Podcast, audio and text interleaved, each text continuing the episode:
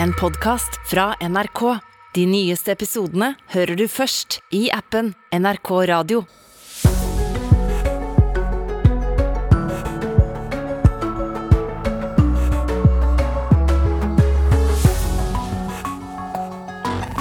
Så er det altså fastslått det brannkonstablene allerede lenge har følt på kroppen, at jobben gir økt risiko for kreft. Selv om jeg har vaska det med sjampo flere ganger, så lukta det brann av håret mitt eh, ja, kanskje en uke. I mange år fikk unge kvinner og tenåringsjenter på Grønland satt inn spiral. Ikke ble de spurt, ikke fikk de vite det, og det kommer stadig nye avsløringer om hva Danmark har gjort som kolonimakt. Åtte kandidater skal bli til to. I dag begynner valget for å finne en etterfølger til Boris Johnson som leder av de konservative i Storbritannia. Men det er mye som skjer i dag. Flygerne og ledelsen i SAS skal møte hverandre til forhandlinger. Vi skal høre hva som ligger i luften i Stockholm, og hva vi kan kreve og vente oss vi som ikke kommer oss i luften eller må ta lange omveier. Nyhetsmorgen i dag på luften med Ugo Fermariello i NRK P2 og NRK1 frem til klokken ni. Som Anders var innom i eh, Dagsnytt eh, nå klokken syv, det har lenge vært en mistanke, nå er det en sikkerhet. Det er en klar sammenheng mellom hva brann- og redningsarbeidere blir utsatt for, og enkelte former for kreft. Det er Verdens helseorganisasjon som fastslår dette. Tidligere har det vært sett på som en mulig sammenheng mellom yrket som brannkonstabel og sykdommen, men eh, denne nyheten, selv om den er dårlig, gir håp om forandring for folk som er eh, brannkonstabler i Norge. Vi vasker bilen, får av alt som er på den, alt skittent utstyr. Her vasker vi flaskepakkene våre, maskene våre, eh, branntøyet, eh, undertøyet i egen vaskemaskin der borte. Kenneth Aas er utrykningsleder på Marienlyst brannstasjon i Oslo, som er blant de best utstyrte for å rengjøre det brannfolkene bruker ute på oppdrag. Det er mye sot og partikler som ikke er bra for huden vår, som er giftige.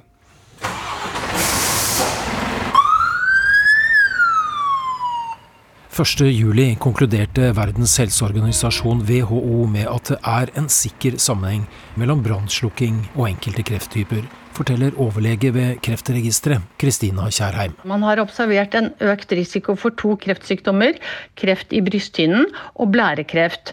Og man anser at disse to sykdommene kan sikkert knyttes til eksponering som brannmann. Nå er det stor enighet om at det har konsekvenser. På tross av den, den gode beskyttelsen de har i dag, så er den ikke helt åpenbart ikke god nok. I brannvesenet er det en egen forening som jobber med kreftfaren i yrket. Ole André Olsvik er styremedlem i Brannmenn mot kreft, som har 2000 medlemmer. Han tror det får betydning at den høye kreftrisikoen nå er slått fast fra WHO. Tre av fire brannfolk som har sin sak i Trygderetten, får avslag. Eh, dette vil nok eh, hjelpe dem ekstremt mye med at dette blir løftet opp i klasse 1. Og nå er det bevist at eh, yrket vårt er farligere enn det har vært antatt før. Det fins brannstasjoner som er altfor dårlig rustet for sine mannskaper. Der de må vaske tøyet hjemme, og det er ikke heldig. Eh, jeg er brannkonstabel.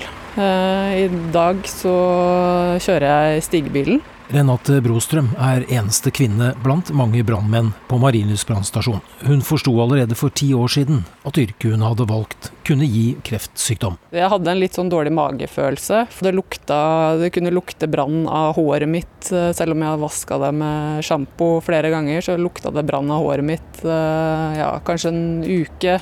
Eh, jeg kunne være veldig sånn sotete på huden, selv om jeg hadde gått med eh, utrykningstøy eh, i en brann.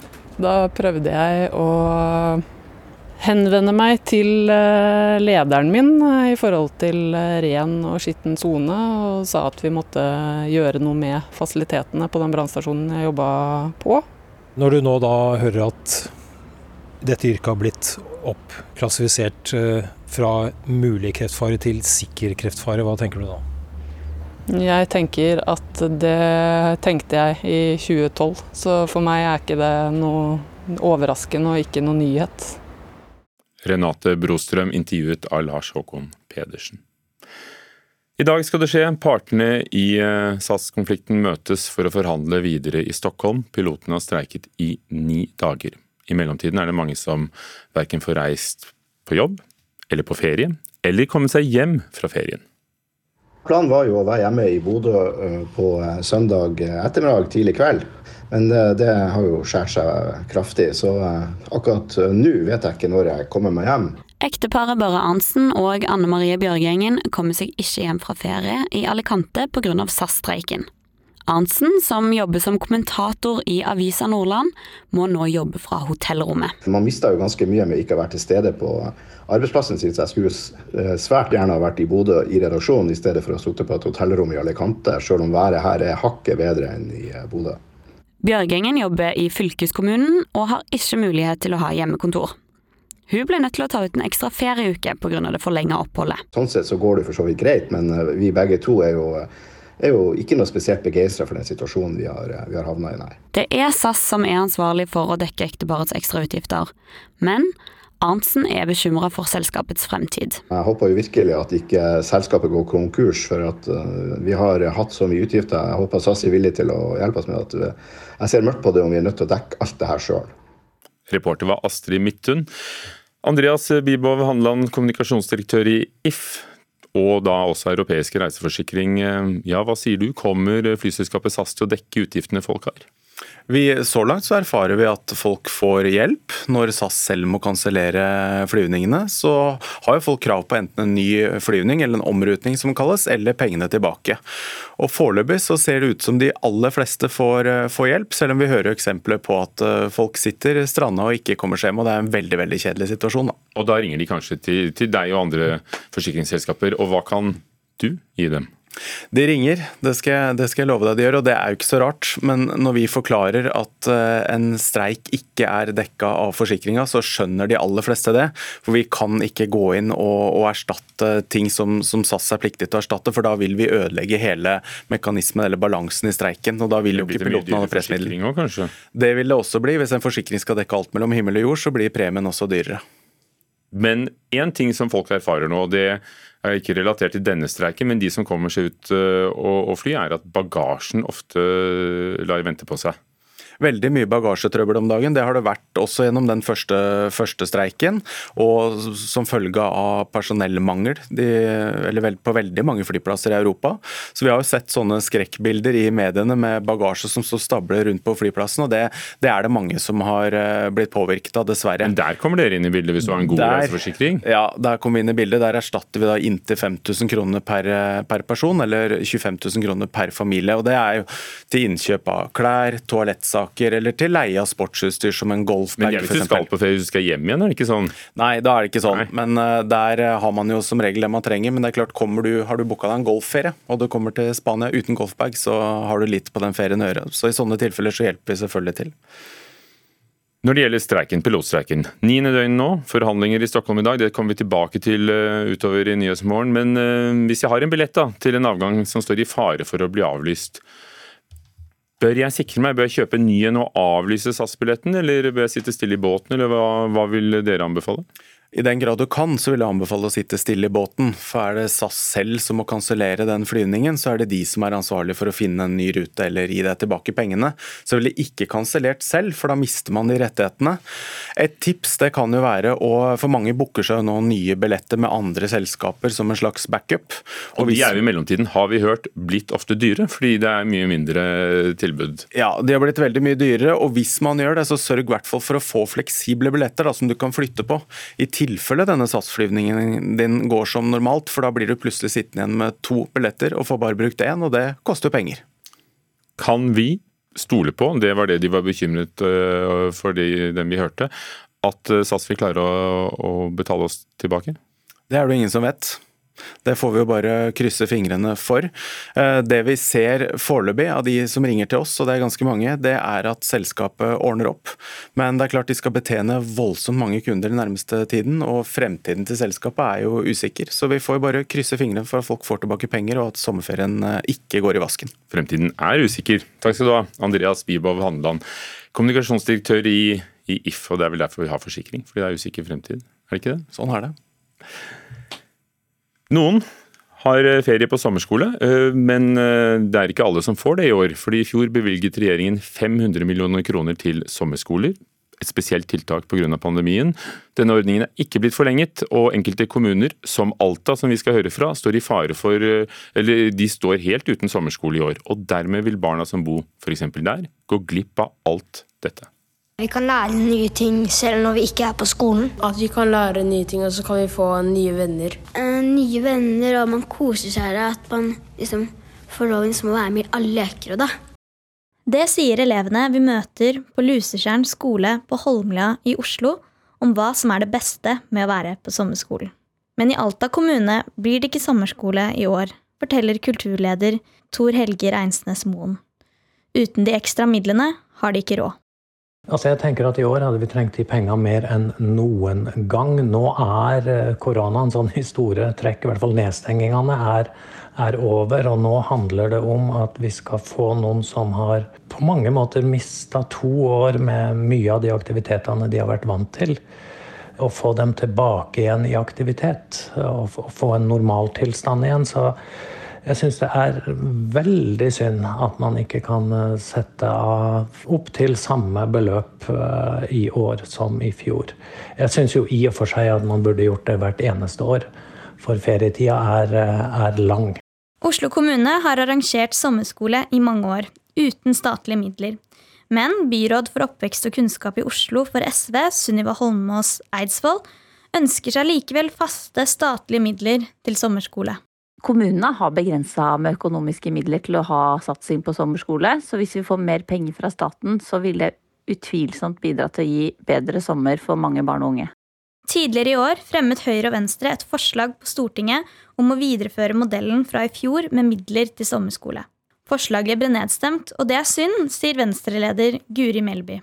Så det her viser at Hvis vi vil ha sommerskole i flest mulig av landets kommuner, så er staten nødt til å øremerke midler til det. Det har dessverre ikke Støre-regjeringa gjort. og Det vil si at mange barn får en tyngre sommer i år enn de hadde i fjor. Statssekretær i Kunnskapsdepartementet Halvard Hølleland sier til NRK at hver kommune selv kan velge om de vil arrangere sommerskole eller ikke. Solberg-regjeringen valgte selv ikke å videreføre disse midlene i 2022-budsjettet da de la frem statsbudsjettet i oktober i fjor.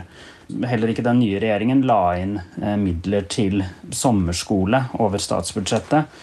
Det den nye regjeringen gjorde, var å prioritere å øke kommunerammen generelt, sånn at hver enkelt kommune selv kan bestemme om de vil arrangere sommerskole eller ha andre sommeraktiviteter for barn og unge i sin kommune. Reporter var Maria Jostad.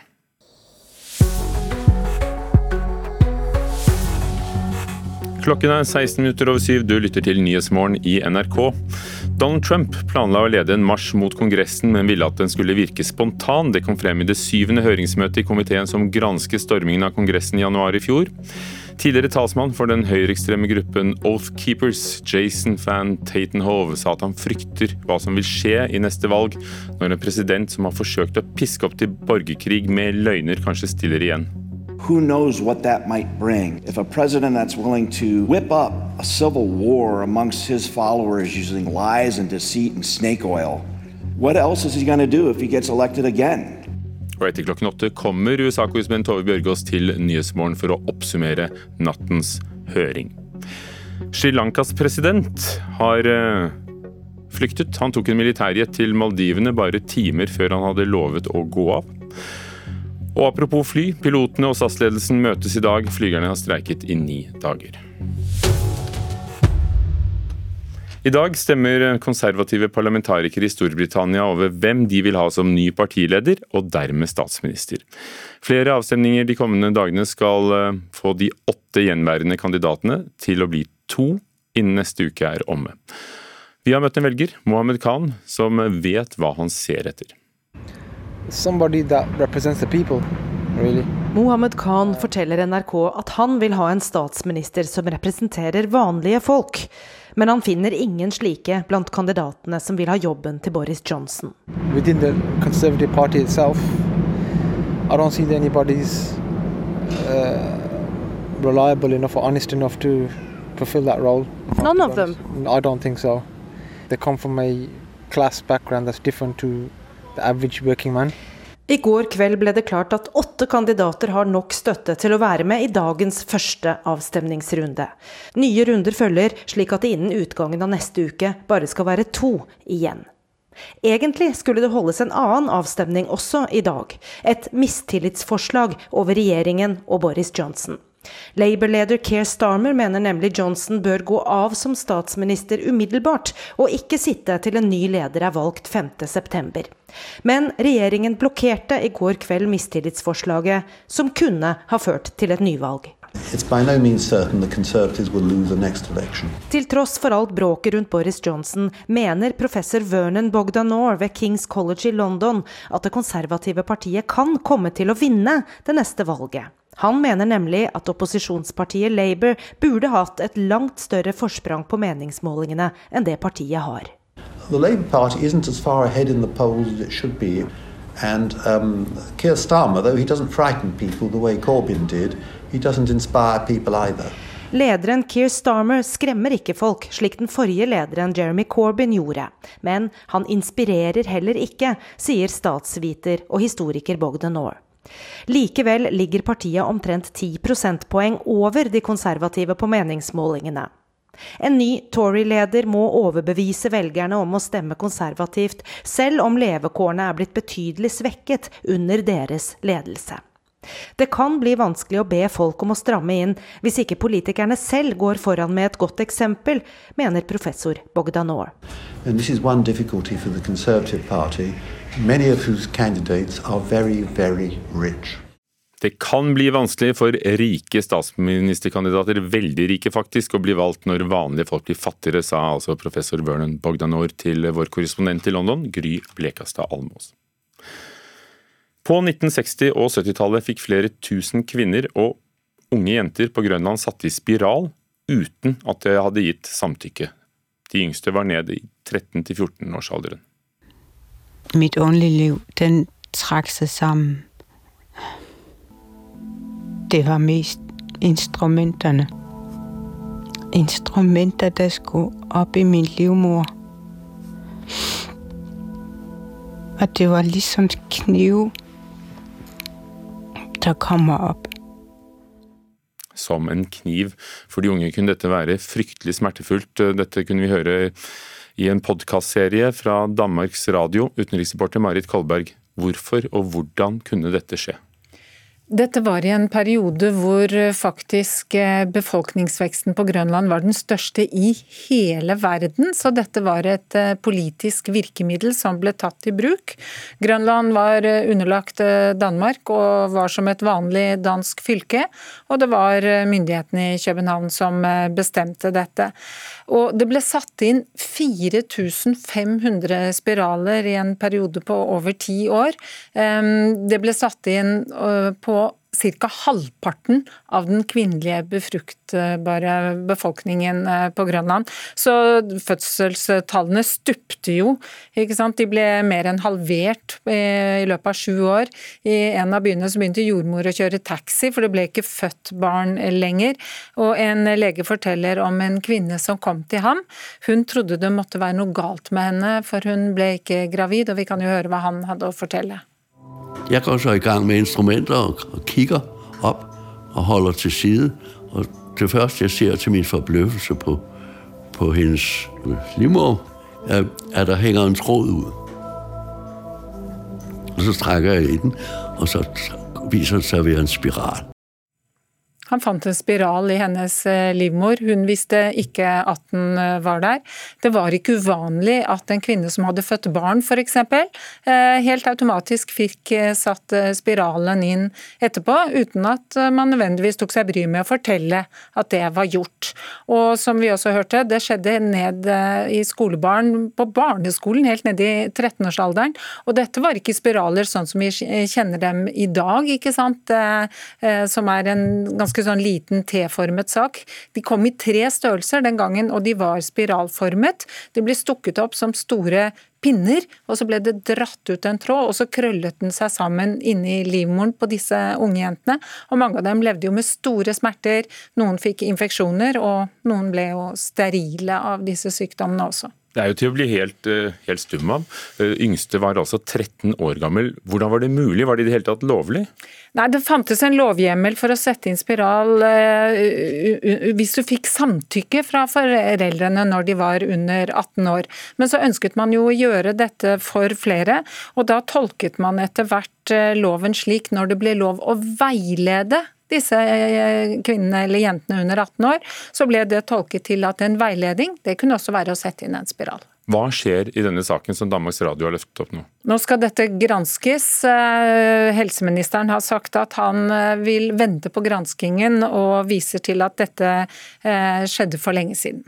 Ikke første gang det har vært den typen eksperimenter på Grønland? På 1950-tallet så var det virkelig et eksperiment. Da hentet man 22 barn fra Grønland, satte dem i fosterfamilier i Danmark. De skulle være der en kort tid og lære dansk språk og kultur. Så ble de sendt tilbake ganske så lenge senere. Da kunne de ikke morsmålet sitt lenger, kunne ikke snakke med familiene sine. Det har danske myndigheter bedt om unnskyldning for. Marit Kolberg, takk skal du ha.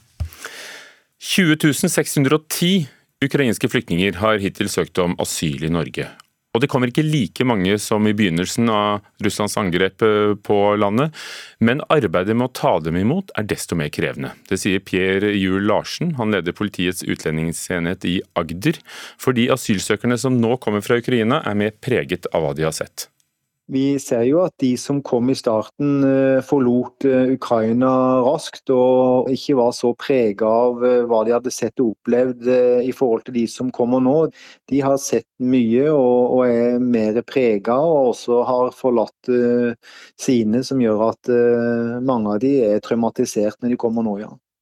Får de et annet tilbud når de tas imot disse enn de som kom tidligere?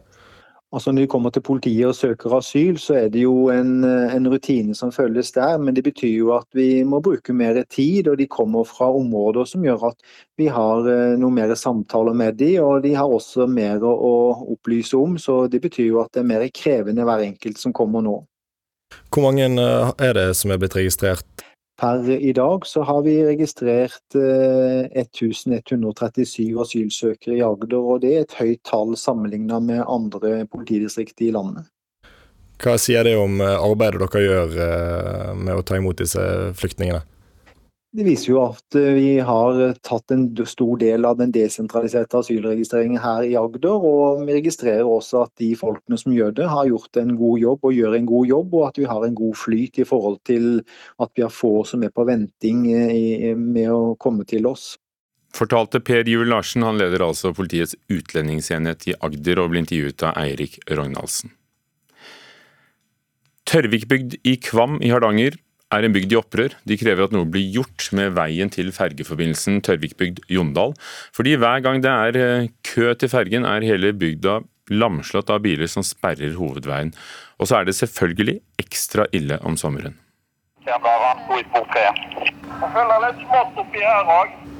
Vi var noe oppå, tenker jeg. Så var fellesferien i gang. På ferja mellom Tørvikbygd og Jondal prøver matros Kåre Bru å få flest mulig biler om bord. Jeg vet ikke om vi får alt med oss. Tvilsomt. Igjen er det skikkelig kaos i Tørvikbygd i Kvam. Bygda blir lamma hver gang ferjekøen hoper seg opp. Normalt så begynner jo ferjekaien der nede. Men nå står jo ferjekøen, og ferjekaien vår er jo blitt oppover fylkesveien her nå. Innbygger og lokalpolitiker Mikael Iversen viser den lange køen som strekker seg for ferjekaia og videre ut i fylkesveien. Nå kommer det en bil som skal forbi på utsida der oppe. Nå blir det ikke bra. Ser han må rygge. Han skal kjøre forbi på utsida hele veien oppover. Det er jo 90 grader sving her, så det er jo veldig uoversiktlig. Det er egentlig bare en lykke at det ikke har skjedd noe ulykke enda. I Tørvikbygd er de lei og redd trafikkfarlige situasjoner. Farlig både for barn, for eldre og for trafikksikkerheten. Det, altså, det eskalerer jo bare. Og nå er på en måte fellesveien akkurat begynt. Et strakstiltak må komme med en gang. Dette her er trafikkfarlig. Fergetrafikken på Jondal-Tørvikbygd øker for hvert år. Her ja, nå er kaoset komplett nesten når det står en bobil i veien der i tillegg. Da blir det jo kø på alt der, da. Ferja går én gang i timen og har en kapasitet på 130 personbiler. Det er skikkelig kaos. Det sier Ingunn Straumstein, som bor i Tørvikbygd. Forrige ferja så sto køen i hovedveien i nesten en time. Og da kommer jo ikke vi andre forbi heller, så ikke skal vi ferja. Det er jo sikkerheten til ungene. Jeg har tre små barnebarn som skal passere denne veien. Og det bekymrer meg. Det er en uholdbar situasjon. Det har eskalert eh, år for år, og vi frykter jo at den sommeren kommer til å bli enda verre. Eh, og da er det jo blitt, enkelt og greit. Det sier fungerende ordfører i Kvam, Frode Nygård. Nå har ordførerne i Kvam og Ullensvang sendt brev til Vestland fylkeskommune og krev tiltak. Det går jo i første omgang på trafikkdirigering. Og så har vi oppmoda de om å sette i verk eh, tiltak i form av eh, ekstraferjer som et akuttiltak nå. Og at det i budsjettet for neste år blir lagt inn i ekstraferjer om sommeren på Jondal-Tørvikbygd. Dette er jo ikke et problem bare i Tørvikbygd, det er et problem i Jondal òg. Nå følger vi nøye med situasjonen nå på hvordan trafikken utvikler seg og vurderer om det er behov for å gjøre noen tiltak for å øke kapasiteten, spesielt på Tørvikbygda. At det skal bli plass til å parkere flere biler i, i køen til ferja. Jon Martin Jacobsen er seksjonsleder ved Avdeling for infrastruktur og vei i Vestland fylkeskommune. Han kan ikke love strakstiltak denne sesongen. Det er helt klart at kanskje ei ekstra ferje vil være med å løse utfordringene, da. men dette er ikke noe som vi klarer å få på plass til denne sommeren. Da. Full ferje, full ferjekai. Jeg blir litt oppgitt, egentlig, fordi at fylket har fått beskjed om dette tidligere. De ser trafikktallene på papiret. De tar ikke tak i dette her i det hele tatt. Og på ferjekaia er det flere som må vente på neste. Mellom annet Hildegunn Svarstuen. Vi satt og lurte litt sånn på om, om, det var plass til oss, og, eh, men så hopa det seg opp oppi veien her. og Vi forsto at køa var masse lenger enn vi trodde og hadde håpa på. Så da ble det én time lenger å vente? Ja, det er så lenge, ja. Det visste ikke jeg. ja, det blir det da. Mm. Reporter i Tørvikbygd, Tale Hauso. Sommer i P2. Jeg har opplevd det utenkelige. I løpet av et halvt år tok begge tvillingguttene mine livet sitt. Jeg heter Lars Petter Kjær. I sommer i P2 forteller jeg om min kjærlighet til guttene mine, Elias og Benjamin. Sommer i P2 i dag klokka ni.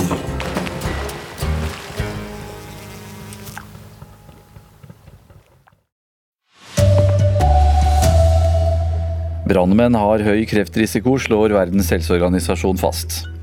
Flere kommuner har ikke råd til sommerskole. Høflighetsfrasen 'nei takk' er i ferd med å dø ut. I stedet sier ungdommen 'det går bra'. Jeg syns det er bedre å si nei takk. Jeg syns det er finere, det. God morgen, her er NRK Dagsnytt. Klokka er 7.30. Ja, det er altså en klar sammenheng mellom hva brannfolk blir utsatt for og enkelte kreftformer. Det slår nå Verdens helseorganisasjon fast. Tidligere så har det bare vært antydet en mulig sammenheng mellom brannyrket og kreft. Nyheten gir håp om endring for norske brannfolk. Vi vasker bilen, får av alt som er på den, alt skittent utstyr. Her vasker vi flaskepakkene våre, maskene våre, eh, branntøyet.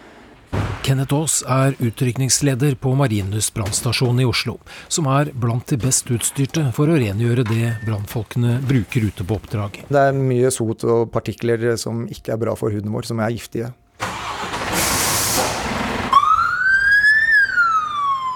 1.7 konkluderte Verdens helseorganisasjon WHO med at det er en sikker sammenheng mellom brannslukking og enkelte krefttyper, forteller overlege ved Kreftregisteret, Kristina Kjærheim. Man har observert en økt risiko for to kreftsykdommer, kreft i brysthinnen og blærekreft. Og man anser at disse to sykdommene kan sikkert knyttes til eksponering som brannmann. Nå er det stor enighet om at det har konsekvenser. På tross av den, den gode beskyttelsen de har i dag, så er den ikke helt åpenbart ikke god nok. I brannvesenet er det en egen forening som jobber med kreftfaren i yrket. Ole André Olsvik er styremedlem i Brannmenn mot kreft, som har 2000 medlemmer. Han tror det får betydning at den høye kreftrisikoen nå er slått fast fra WHO. Tre av fire brannfolk som har sin sak i Trygderetten, får avslag. Eh, dette vil nok eh, hjelpe dem ekstremt mye med at dette blir løftet opp. Reporter her, det var eh, Lars Håkon Pedersen. Sri Lankas president Gotabaya Rajapaksa har forlatt landet, det melder nyhetsbyrået AFP. Presidenten forlot landet i et militærfly med kurs mot nabolandet Maldivene, ifølge lokale tjenestemenn. Det har vært flere voldsomme demonstrasjoner på Sri Lanka den siste tiden. fordi landet har store økonomiske problemer. Og I helgen så ble både presidenten og statsministeren presset til å gå av. På 1960- og 1970-tallet så fikk flere tusen kvinner og unge jenter på Grønland satt inn spiral uten at de hadde gitt samtykke til det. Og de yngste var nede i 13-14-årsalderen. Det var mest instrumentene. Instrumenter der skulle opp i min livmor. For de unge så kunne dette være fryktelig smertefullt, kan vi høre i en podkastserie fra Danmarks Radio. Og hvorfor skjedde dette her, utenriksreporter Marit Kolberg? Dette var i en periode hvor befolkningsveksten på Grønland var faktisk den største i hele verden, så dette var et politisk eh, prosjekt for å begrense den. Det ble satt inn 4500 spiraler på ungjenter og kvinner på Grønland eh, i den perioden. Det er faktisk halvparten av den fruktbare befolkningen i disse årene. Og etter det så stupte jo fødselstallene. Jenter helt ned i 13-årsalderen fikk eh, satt inn spiral. En del kvinner som som fødte, fikk det automatisk satt inn etter fødsel uten at de ble det fortalt. En lege forteller at han fikk en pasient inn på sitt kontor. Hun kunne ikke skjønne hvorfor hun ikke ble gravid og var redd det var noe galt med henne. Og da han undersøkte henne, så satt det en spiral i livmoren hennes. Ingen hadde fortalt henne at den var der. Og dette var helt andre spiraler enn det vi bruker i dag. Mye, mye større. Altfor store ting å sette inn i så unge jenter. Mange av dem levde med smerter i mange år. Ja, Hva skjer i denne saken nå? Helseministeren har sagt at han foreløpig ikke vil kommentere dette. Nå skal dette granskes. Eh, men det føyer seg jo dessverre da også inn i rekken av ting som er gjort fra dansk side mot eh, Grønlands befolkning. For noen år siden så tok de 22 barn, dette var på 50-tallet, da tok de 22 barn fra grønlandske foreldre, brakte dem til Danmark som et eksperiment for å lære dem dansk levesett. Det gikk ikke bra. Da de kom hjem igjen kunne de ikke morsmålet sitt engang. Og Mette Fredriksen, statsministeren, har måttet be om unnskyldning for det. Takk skal du ha, utenriksreporter Marit Kolberg. Donald Trump planla å lede en marsj mot Kongressen, men ville at den skulle virke spontan. Det sier personer som var godt kjent med planene, ifølge The New York Times. Komiteen som undersøker hva som skjedde under stormingen av kongressbygningen 6.1, har fått tilgang til et utkast til en twittermelding der Trumps tilhengere får beskjed om å komme tidlig til Washington den dagen, ettersom det var ventet masse mennesker. I fjor bevilget regjeringen 500 millioner kroner til eh, sommerskole i forbindelse med koronapandemien. Midlene ble ikke videreført i år, og derfor står enkelte kommuner uten sommerskole i sommer. Kulturleder i eh, Alta kommune, Tor Helge Reinsnes Moen, mener sommerskolen er viktigere enn noen gang. For nå skal barn og unge tilbake til eh, aktivitet igjen etter pandemien. Vi kan lære nye ting selv når vi ikke er på skolen. nye venner, og man koser seg. At man liksom får lov til å være med i alle leker. og da. Det sier elevene vi møter på Lusetjern skole på Holmlia i Oslo om hva som er det beste med å være på sommerskolen. Men i Alta kommune blir det ikke sommerskole i år, forteller kulturleder i Alta, Tor Helge Reinsnes Moen. Uten de ekstra midlene har de ikke råd. Altså jeg tenker at I år hadde vi trengt de pengene mer enn noen gang. Nå er eh, korona en sånn store trekk, i hvert fall nedstengingene er er over. Og nå handler det om at vi skal få noen som har på mange måter mista to år med, med, mye av de aktivitetene de har vært vant til. Eh, og få dem tilbake igjen i aktivitet. Og få en normaltilstand igjen. Statssekretær i Kunnskapsdepartementet Halvard Hølleland sier til NRK at hver kommune selv kan velge om de vil arrangere sommerskole eller ikke. Med unntak av 2021, som var et ekstraordinært år eh, etter pandemien, så har ikke staten normalt subsidiert eller satt av penger til å arrangere sommerskole i kommunene. Det har hele tiden vært eh, kommunenes oppgave å finne eh, midler til sommeraktiviteter eller sommerskole. Og det er jo noe som må prioriteres og ses opp mot andre oppgaver. Og denne regjeringen har jo styrket kommuneøkonomien betydelig på den korte tiden vi har styrt. Eh, men vi mener jo det bør være noe man bestemmer lokalt, og ikke fra statens side om man skal ha sommerskole eller ikke. Reporter her, det var eh, Maria Jostad. En mann i 70-åra fra Sogn mistet livet i en trafikkulykke på Europavei 16 i Lærdalstunnelen i går kveld. Bilen eh, kjørte i tunnelveggen, ifølge Vest politidistrikt. Lærdalstunnelen ble stengt etter ulykken, men er nå åpnet igjen. Ved Nilsebuvatnet i Rogaland er en person funnet omkommet. Frivillige og politi har i hele natt lett etter en person som var ute på tur alene, og som ikke kom hjem til avtalt tid. Politiet kan ikke fastslå at det er den savnede som er funnet, men opplyser at funnet ble gjort i området der leteaksjonen foregikk. Høflighetsfrasen 'nei takk' er i ferd med å dø ut blant dagens barn og unge. Denne høflige måten å avslå på, som vi har lært i generasjoner, må nå vike plass for eh, 'det går bra', som blant andre Dagny Sofie Giljarhus Linge sier. Eh, ja, ganske ofte. Hvorfor det? Jeg veit ikke. Jeg tror alle i vår generasjon kanskje gjør det. Min generasjon, ja. Det heter ikke nei takk lenger. Det heter 'det går bra'. Det kan alle som har barn og tenåringer rundt seg skrive under på. Bestemor Solbjørg Forstad er ei av dem. Ja, det har jeg registrert. Og det skjer daglig nesten, når jeg snakker med ja, disse her ungdommene fra 13 og oppover, faktisk. Men er det like bra som nei takk, syns du det? Nei, det syns ikke jeg. Men språkprofessor Jan Svenvik mener vi har noe å lære av de som sier det går bra. Jeg tror tvert imot man tilfører noe. eh, Fordi nei takk, det er bare et avslag og ikke noe mer. Når du sier det går bra, jeg har det fint, eh, den type ting, så gir du en slags begrunnelse på avslaget. Og da avkrefter du jo mulige slutninger om at maten ikke var god, eller at det er noe annet problem med den. Så jeg tror egentlig dette er en slags underliggende høflighetsstrategi som sier at det er ikke noe problem. Eh, Jeg takker nei, men det er ikke, du trenger ikke å ta det ille opp. Og det får han støtte på hos 20-åringene Nicolas Helgesen og Joakim Kvammen. Kanskje litt hyggeligere måte å si nei på. Du da, når du sier det går bra? Når jeg ikke trenger, når jeg ikke trenger pose. Ja. Men eh, nei, jeg tenker nå egentlig at det betyr noe Jeg tenker at det er en høfligere måte å si nei takk på, egentlig. Men 17 år gamle Victoria Sjåstad sier hun vil lære sine eventuelle framtidige barn å si som mor, bestemor og generasjonene før. Eh, nei takk, for jeg tenker det er viktig å ha manerer når du er, er med folk, liksom. Reporter her, det var eh, Synnøve Hole. Arild Svalbjørg har ansvaret for eh, NRK Dagsnytt i dag. Jeg heter eh, Anders Borgen Werring.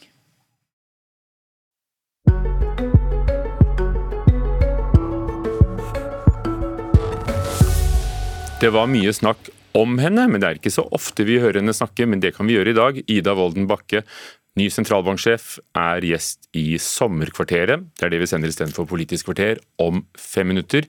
Med andre ord, du er midt i Nyhetsmorgen i NRK, klokken nærmer seg kvart på åtte, og vi skal um, møte unge i Tromsø. De jobber for Småjobbsentralen, vil gjerne ha flere oppdrag, som å male, klippe plenen eller andre småting. Og det er uh, flere i Tromsøs gater som kunne trengt litt hjelp. Hvis ikke katten vår hadde forsvunnet, så kunne noen ha matet katten vår. Hvis jeg hadde hatt en jobbsentral eller noe som man kunne kontakte. Og Småjobbsentralen i Tromsø kan en faktisk kontakte. Der blir både små og store arbeidsoppgaver fordelt mellom barn og unge under 18 år.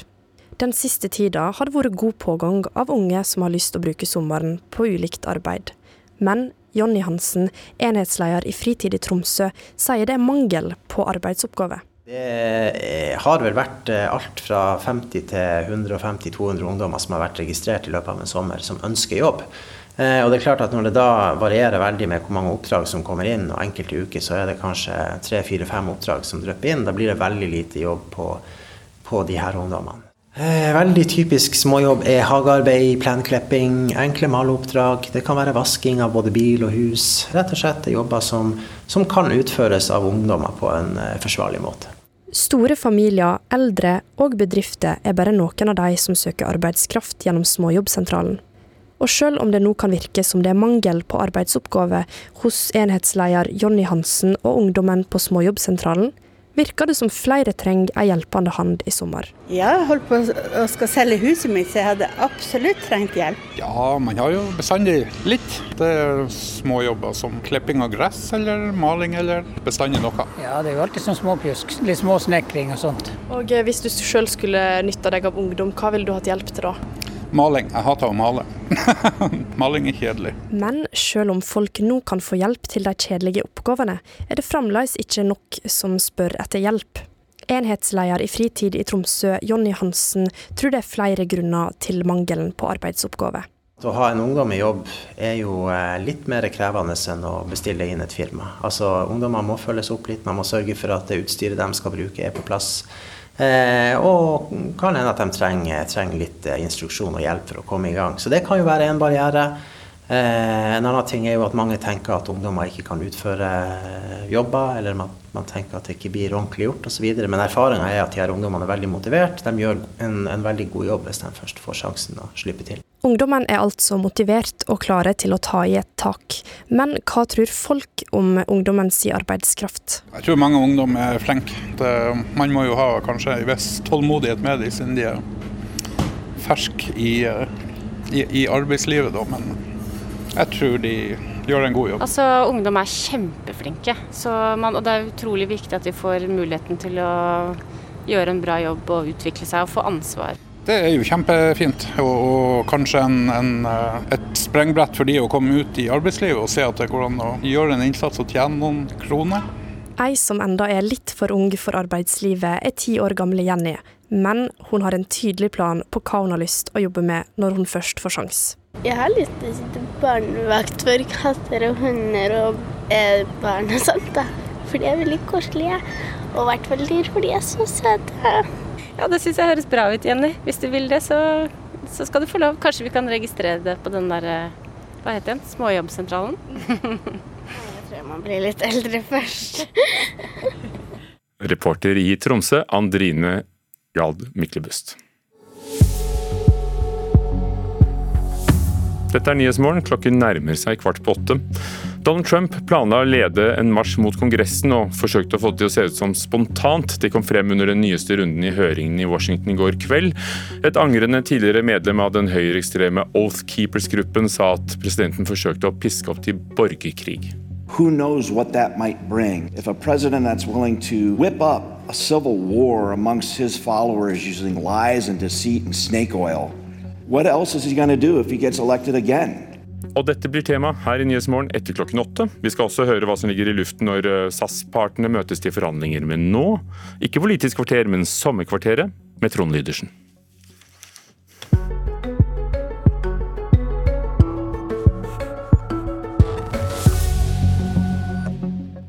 Navn? Ida Wolden Bakke. Tittel? Sentralbanksjef. Hva er det hyggeligste en sentralbanksjef gjør nå i sommerferien sin? Det er å spise is og bade sammen med familien. Veldig, veldig sånn vanlig egentlig, altså? Veldig vanlig. Eh, hvor vokste du opp? Jeg vokste opp på Rykken i Bærum. Så, så, du er på en måte fra nærområdet, du har ikke trengt å flytte mye på deg i karrieren, egentlig? Nei, jeg har egentlig ikke det. Er du litt stedsbunden? Nei, det vil jeg ikke si. Jeg har eh, studert litt i utlandet og har stor glede av å reise, men eh, det er riktig at jeg har bodd i nærheten av Oslo i hele mitt liv. Og så steg for steg for steg så har du endt opp der du er nå, sjef for Norges Bank. En av de viktigste rollene i Norge. Er du en bossete sjef? Det tror jeg ikke at jeg er. Hvordan er du da? Jeg håper at eh, jeg er eh, ydmyk, engasjert, interessert i eh, medarbeiderne i Norges Bank, men også i stand til å fatte beslutninger når det er nødvendig. Ja, For det siste der er det ikke sånn, sånn veldig ydmykt? Nei, det, men det er påkrevd i denne jobben. Fordi noe av det viktigste som skjer, det er jo at dere sitter med et rentemøte. Det er det vi merker aller mest til, i hvert fall. Hvordan er det det skjer, egentlig? Ja, det er jo Norges Banks komité for pengepolitikk og finansiell stabilitet som øh, fatter beslutninger om renten. Og Den består jo da av sentralbanksjef og visesentralbanksjefer, og så to eksterne medlemmer, altså medlemmer som ikke har sitt daglige virke i, i Norges Bank. Sitter dere rundt et bord omtrent sånn som vi gjør her nå? Da sitter vi rundt et bord, og så er det jo sånn at prosessen som leder fram til en rentebeslutning, den starter flere uker i forveien. Så da møtes komiteen, og så får vi presentert uh, grundige analyser av utviklingen i norsk og internasjonal økonomi, uh, som da etter hvert leder fram til beslutningen som fattes på selve rentemøtedagen. Så du kan nå som sentralbanksjef så kan du være ydmyk i starten av møtet, og så ikke så veldig ydmyk til slutt? Ja, det, sånn kan du si det. Hvis vi ser ellers litt mer personlig, men f.eks sosiale medier. Da har vi en oljefondsjef, han er veldig aktiv. Du virker ganske ydmyk. Ja, jeg vet ikke om det har så mye med ydmykhet eh, å gjøre, men det er riktig at jeg ikke er så aktiv på sosiale medier. Det er jeg ikke privat, og heller ikke i jobbsammenheng. Hvorfor ikke det? Der er vi nok litt, eh, litt ulike. Jeg er nok kanskje en ganske privat person. Ja, for jeg ser et bilde på Facebooken din. Jeg vet ikke om det er eh, en, en gammel flode. Du har en liten sånn kosebamse på armen. Det er min datters lekehest, ja. Datters lekehest. Og så er den første kommentaren 'velkommen til Facebook', står det under. Nettopp. Så du var treig. Veldig. Er du treig når du setter renta opp og ned òg? Nei, det er jeg ikke. Da fatter vi de beslutningene som vi mener er nødvendige når, eh, når det er påkrevd. Ja, for nå har du sagt nå skal den opp, opp, opp. Vi mener det er riktig ja, og behov for en klart høyere rente nå i norsk økonomi for å dempe presset i økonomien eh, og bidra til at eh, prisstigningen nærmer seg vårt mål på 2% årlig inflasjon. Hvor, hvor sikker er du på at alle disse renteoppene du har annonsert kommer? da? Nei, Det er usikkerhet om, om, renteutviklingen fremover. og Det skyldes at det er usikkerhet om den økonomiske utviklingen. Så Slik vi nå vurderer utsiktene, ja, så, så innebærer vår prognose at renten kan stige til rundt 3% innen sommeren neste år. Eh, men vi understreker også eh, i våre analyser og i all vår kommunikasjon at det er stor usikkerhet om utviklingen fremover. Så dersom økonomien utvikler seg annerledes enn det vi nå tror, så blir også renteutviklingen en annen. Annerledes, hva er det typisk som har skjedd da? Da kan veksten globalt har blitt lavere eller høyere enn det vi nå har sett for oss. Inflasjonspresset internasjonalt øh, er jo noe vi følger øh, spesielt godt med på om dagen. Hvis det avtar raskere, ja, da kan det få betydning for renten.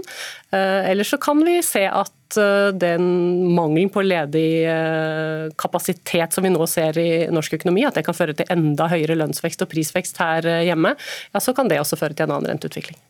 Jeg har snakket med eksempelvis Hydro-sjefen, som sier at det man ser, det er at energipriser over hele verden har gått opp, og så tyter det inn i nær sagt alt du lager, til, til og med den, den leketøysbamsen til datteren din, omtrent, som gjør den dyrere. Mm -hmm. Hvorfor skal norsk rente bremse den kostnadsutviklingen der? Det er riktig at eh, en del av de forholdene som ligger bak den eh, prisoppgangen og den inflasjonen vi ser nå, ligger utenfor eh, Norges Banks kontroll. Vi påvirker ikke ikke internasjonale råvarepriser eller eh, for den saks skyld fyllingsgraden i vannmagasinene med renten.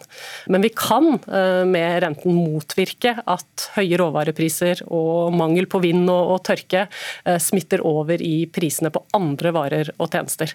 Og det er viktig å understreke nå i dagens situasjon at den høye inflasjonen vi ser, den skyldes ikke bare høye priser på energi og råvarer eller på importerte varer. Også varer og tjenester som produseres eh, her hjemme, stiger nå raskere. Prisene på disse varene stiger nå raskere enn det som er normalt. Hvorfor gjør de det?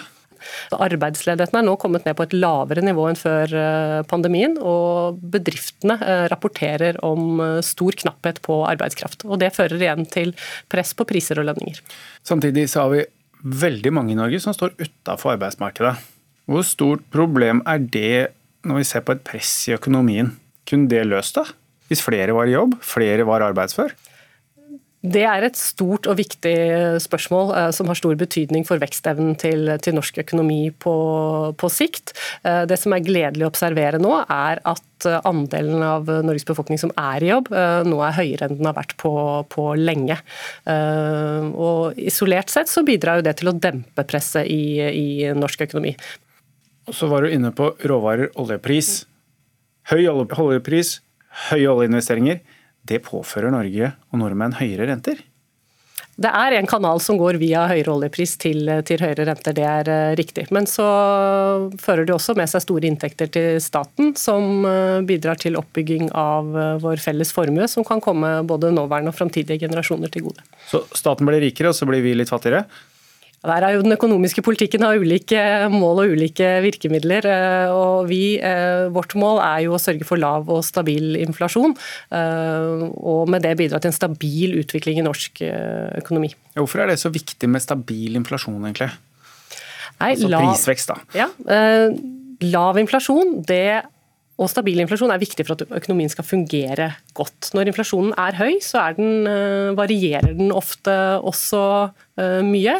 Det bidrar til eh, usikkerhet, det gjør det vanskeligere å planlegge både for bedrifter og husholdninger. Det gjør det vanskeligere å fatte gode økonomiske beslutninger. Det er jo akkurat det vi ser skje nå. Hvorfor tror dere likevel da at økonomien vil rulle så bra videre, selv om vi ser et helt uoversiktlig prisbilde for både folk og bedrifter? Vi venter jo at de høye prisene eh, de vil eh, redusere husholdningenes eh, kjøpekraft, og sånn sett bidra til å dempe forbruket fremover. Og det at vi hever renten vil også trekke i samme retning. Er det virkelig nødvendig da i tillegg?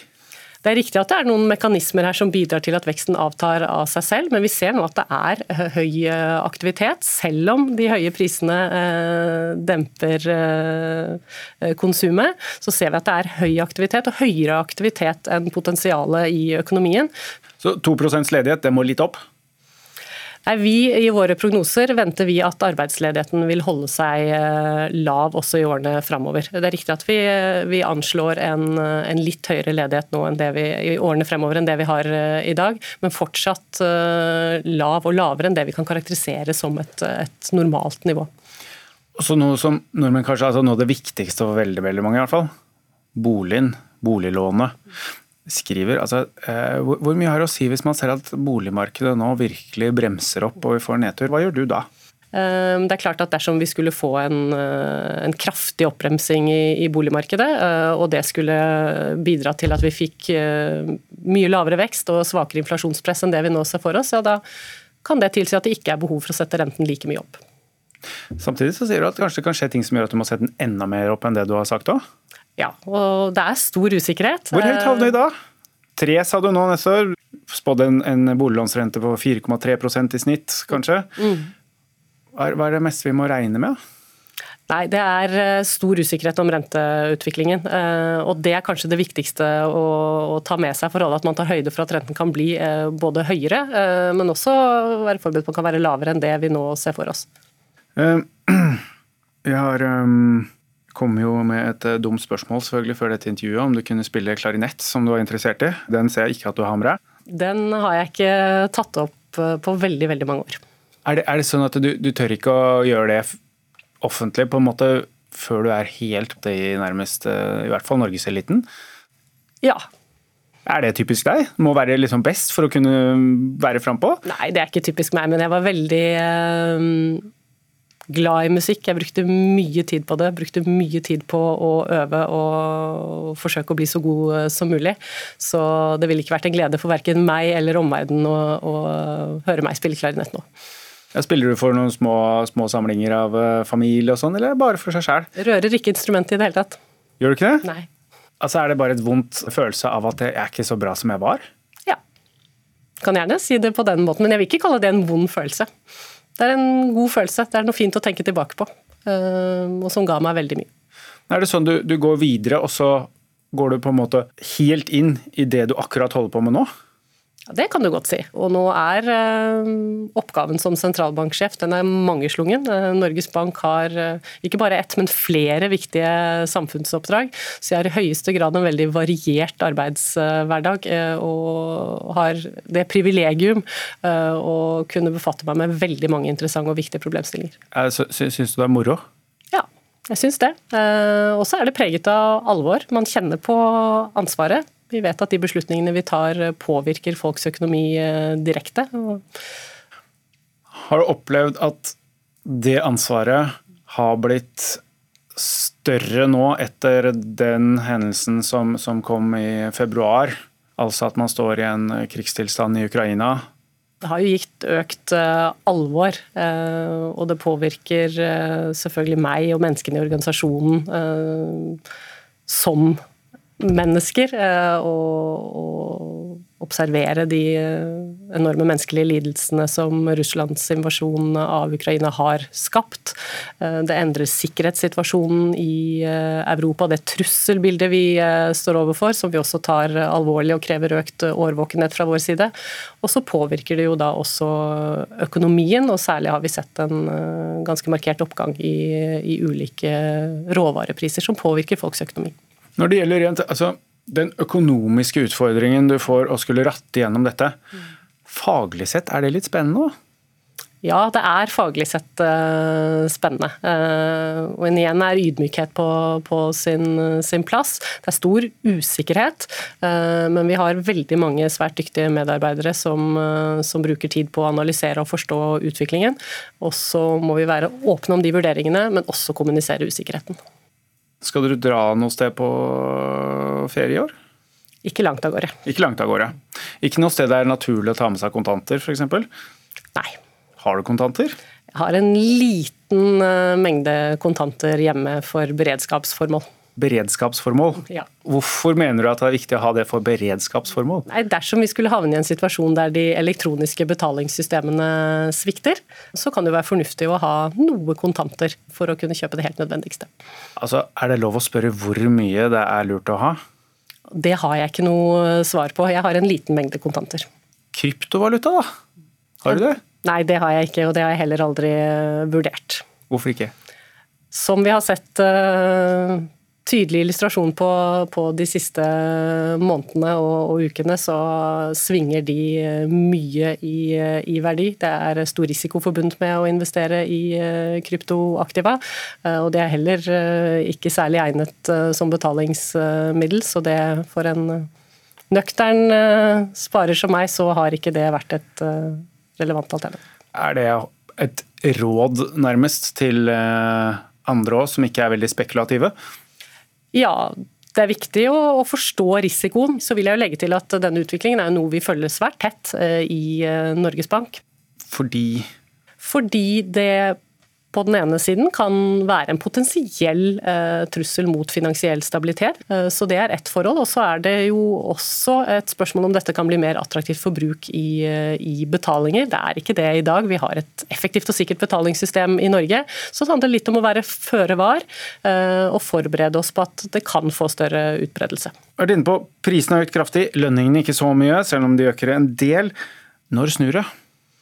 I våre prognoser så er det slik at eh, lønningene stiger eh, raskere enn prisene fra neste år og i årene fremover. Norske familier kan regne med at fra neste år så stiger lønningene mer enn prisen igjen? Det ligger inne i våre prognoser, men usikkerheten er stor. Og det er det du tror på? Jeg tror på våre prognoser. Da må du ta med deg den troen inn i en riktig god sommer. Tusen takk. Tusen takk skal du ha.